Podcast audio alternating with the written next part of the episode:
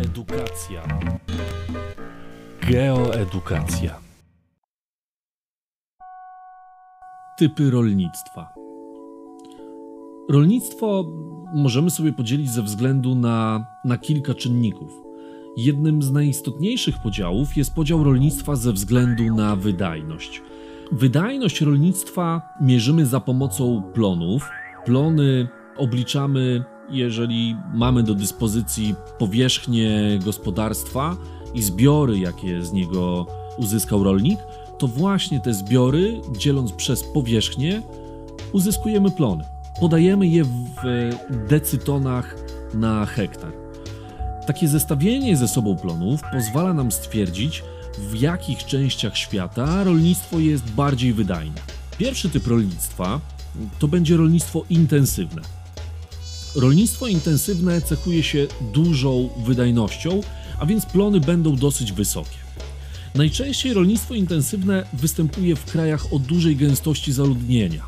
Nie ma tutaj znaczenia aż tak bardzo poziom rozwoju gospodarczego, czy ogólnie liczba ludności w danym kraju, ale właśnie gęstość zaludnienia. E, dlatego, ponieważ mm, jeżeli jest duża gęstość zaludnienia, to oczywiście równocześnie z tej samej powierzchni musimy uzyskać większą ilość płodów rolnych, aby wyżywić tą ludność, która na danym obszarze się znajduje. No, jeżeli porównamy ze sobą obszar, na którym gęstość zaludnienia wynosi jedna osoba na kilometr kwadratowy, jak to jest w dużej części Mongolii, no to tam w zasadzie obojętne co wrzucimy do ziemi i wyrośnie, to i tak tej żywności nam wystarczy. Natomiast jeżeli mamy tą gęstość zaludnienia większą, no to oczywiście te plony też musimy mieć większe. Oczywiście jest to dosyć duże uproszczenie, bo pamiętajmy o tym, że nie cała powierzchnia kraju nadaje się pod uprawy. No, grunty orne w Kanadzie stanowią zaledwie kilka procent, podczas gdy w Polsce no, y, jest to jednak zdecydowanie większa liczba. Natomiast tą, y, tą dużą wydajność, te wysokie plony możemy osiągnąć na kilka sposobów. Dlatego wyróżniamy dalszy podział tego rolnictwa intensywnego na rolnictwo pracochłonne, w którym te wysokie plony uzyskiwane są za pomocą wysokich nakładów pracy, albo rolnictwo kapitałochłonne, gdzie te wysokie plony uzyskujemy dzięki wysokim nakładom kapitału. I zaczniemy właśnie od rolnictwa kapitałochłonnego. Jeżeli mamy możliwość wydania pieniędzy, to oczywiście mamy szansę uzyskać większe plony. Na co te pieniądze możemy wydać? Po pierwsze, mechanizacja. Jeżeli mamy większą liczbę maszyn, one nam oczywiście potrafią przyspieszyć pracę polne i nie ma problemu, że się z czymś nie wyrobimy. Dalszy element to będzie nawożenie. Kolejny czynnik to moglibyśmy wymienić środki ochrony roślin czy pestycydy. Wszystkie te elementy powodują, że plony uzyskiwane przez rolników będą większe. No i łatwo się domyśleć, że rolnictwo intensywne, kapitałochłonne będzie występować raczej w krajach bogatych. No i jeżeli dorzucimy sobie do tego dużą gęstość zaludnienia, to w zasadzie łatwo nam tutaj będzie dopasować całą Europę Zachodnią, a takie idealne przykłady to byłaby Belgia czy Holandia. Rolnictwo pracochłonne, intensywne, tak jak już wspominałem, będzie polegało na tym, że większe plony uzyskujemy nakładami pracy. No i jeżeli teraz nie mamy dostępnych pieniędzy na mechanizację, no to w takim razie musimy więcej pracować w polu, a więc y, rolnictwo będzie cechowało się większym zatrudnieniem praca będzie oczywiście bardziej ciężka, być może będzie dłuższa, ale jednak plony dzięki tym nakładom pracy fizycznej będą większe. Jeżeli nie mamy środków ochrony roślin, no to idziemy w pole i zbieramy ręcznie tą stonkę. Jeżeli nie mamy pestycydów, idziemy w pole i plewimy je po prostu. A więc w pewnym sensie da się te nakłady kapitału zastąpić właśnie pracą rąk ludzkich, no ale oczywiście trzeba mieć e, te zasoby siły roboczej, no i nie do końca jest to wygodne oczywiście. Rolnictwo intensywne, pracochłonne najczęściej powinniśmy sobie kojarzyć z krajami o dużej gęstości zaludnienia, ale o małych wartościach PKB, więc o krajach e, z krajami raczej biednymi. I takim bardzo dobrym przykładem byłyby tutaj Indie. Drugim typem rolnictwa będzie rolnictwo ekstensywne. Rolnictwo ekstensywne z kolei będzie mieć o wiele mniejszą wydajność, ponieważ nie jest ona po prostu potrzebna. No, jeżeli wyobrazimy sobie rolnika, który ma do dyspozycji duże gospodarstwo rolne, 80-100 hektarów, no to i tak z tego będzie uzyskiwał wysokie zbiory, i tak z tego zarobi duże pieniądze. Bardzo często wyobrażamy sobie, że rolnictwo ekstensywne będzie dotyczyć krajów biednych, ale to nie zawsze tak jest. Bardzo dobrym przykładem tutaj będą Stany Zjednoczone, które oczywiście są krajem bogatym, ale powierzchnie gospodarstw mm, są tam bardzo duże, dlatego mm, rolnik uzyskuje tam duże zarobki właśnie dzięki tej dużej powierzchni gospodarstw, a nie dzięki bardzo wysokiej intensywności. Natomiast oczywiście rolnictwo ekstensywne też będzie występować w krajach biednych, no i tu wspomniana wcześniej Mongolia już będzie e, bardzo dobrze się łapać. Poza tym e, podziałem ze względu na wydajność, rolnictwo możemy sobie podzielić także na towarowe albo konsumpcyjne. Rolnictwo towarowe cechuje się tym, że większa część produkcji przeznaczana jest na eksport.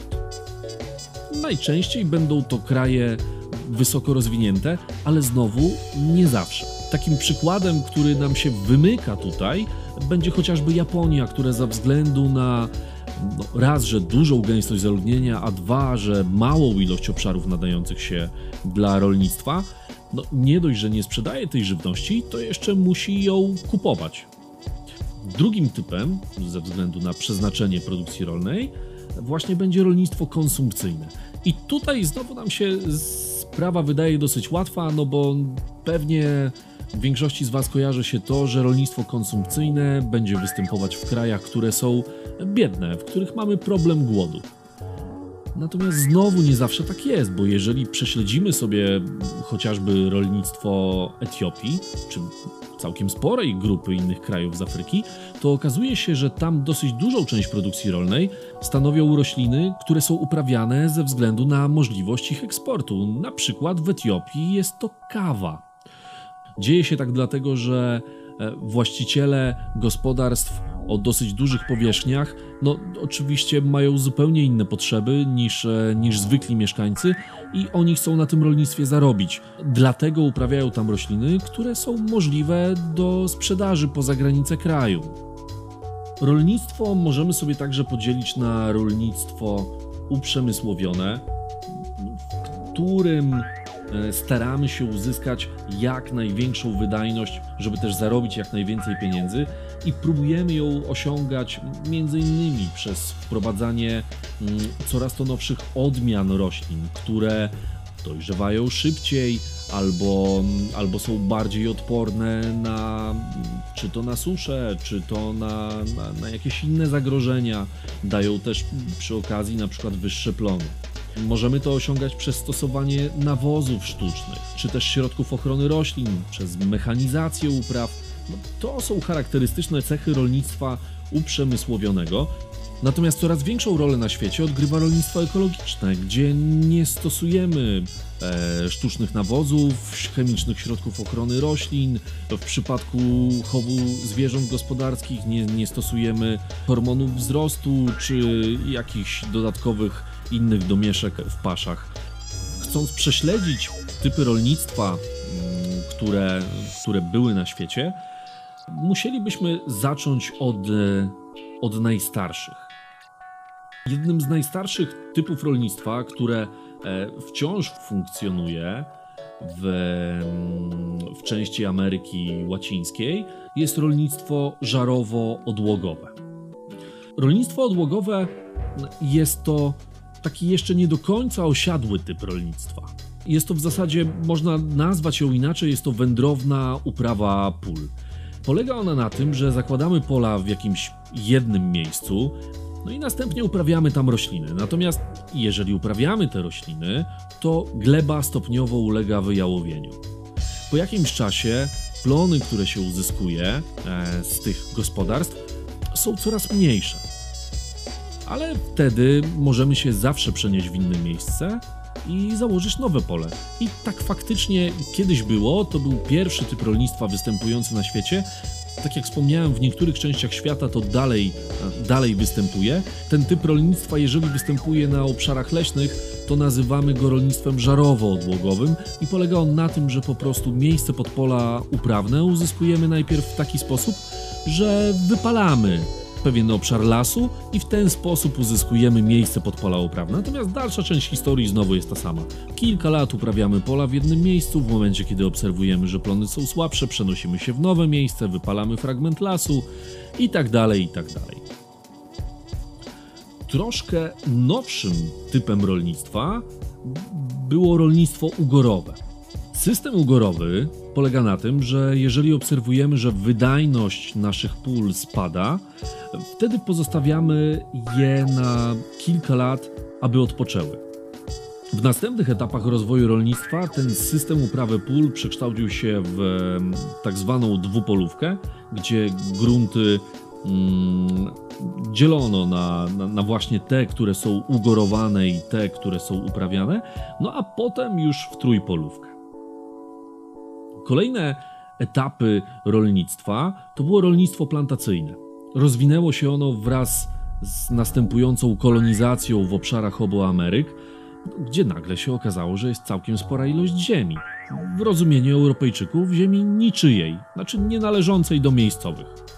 Powstały wtedy duże gospodarstwa, na których konieczna była najemna siła robocza. No, oczywiście wykorzystywano do tego celu niewolników.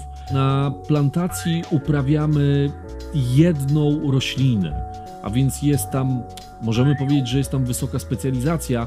Prowadzi ona do wyjałowienia szybkiego ziemi ponieważ taka monokultura rolna, a więc uprawianie jednej tej samej rośliny przez wiele lat na tym samym obszarze prowadzi do tego, że ta roślina zabiera z tej gleby no, te najważniejsze dla niej składniki odżywcze i stopniowo te plony e, zaczynają być coraz, coraz niższe.